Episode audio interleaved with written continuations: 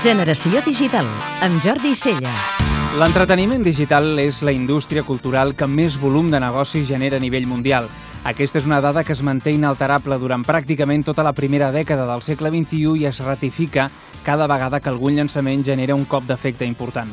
Tot i això, les xifres que acaba d'assolir el videojoc Call of Duty Modern Warfare 3 deixen la boca oberta fins i tot els analistes més acostumats a tractar les dades d'aquest sector. El dia del seu llançament, gràcies a les còpies prereservades i a les cues generades als punts de venda d'arreu del món, va vendre 6 milions i mig de còpies i va ingressar més de 400 milions de dòlars. Després de la seva primera setmana, Modern Warfare 3 ha generat ingressos per valor de 775 milions de dòlars, la qual cosa la col·loca com el llançament més gran de la història dels videojocs en termes econòmics, superant també qualsevol llançament de cinema o literari. La saga Call of Duty, propietat del gegant de l'entreteniment Activision Blizzard, és una saga de videojocs d'acció en primera persona creada originalment per Ben Tchaikovsky. Les seves primeres edicions estaven ambientades a la Segona Guerra Mundial.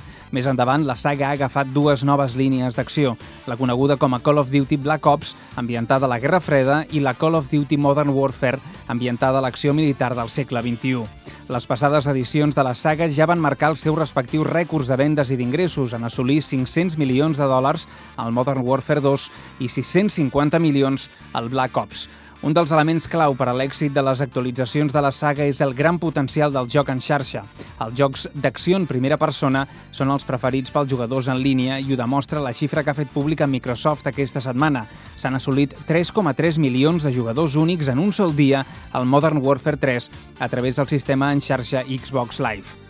El gran rival de mercat de Call of Duty és la saga Battlefield, editada per Electronic Arts. En una jugada estratègica, Electronic Arts va programar la sortida al mercat de Battlefield 3 només uns dies abans del Modern Warfare 3. Si es comparen amb qualsevol altra indústria cultural, les xifres no els van anar gens malament. Durant la primera setmana es van vendre 5 milions de còpies a nivell global, generant uns ingressos de 300 milions de dòlars. Tot i això, queda a menys de la meitat de l'espectacular arrencada de Modern Warfare 3. Podeu escoltar Generació Digital cada dissabte de 4 a 6 de la tarda a Catalunya Ràdio.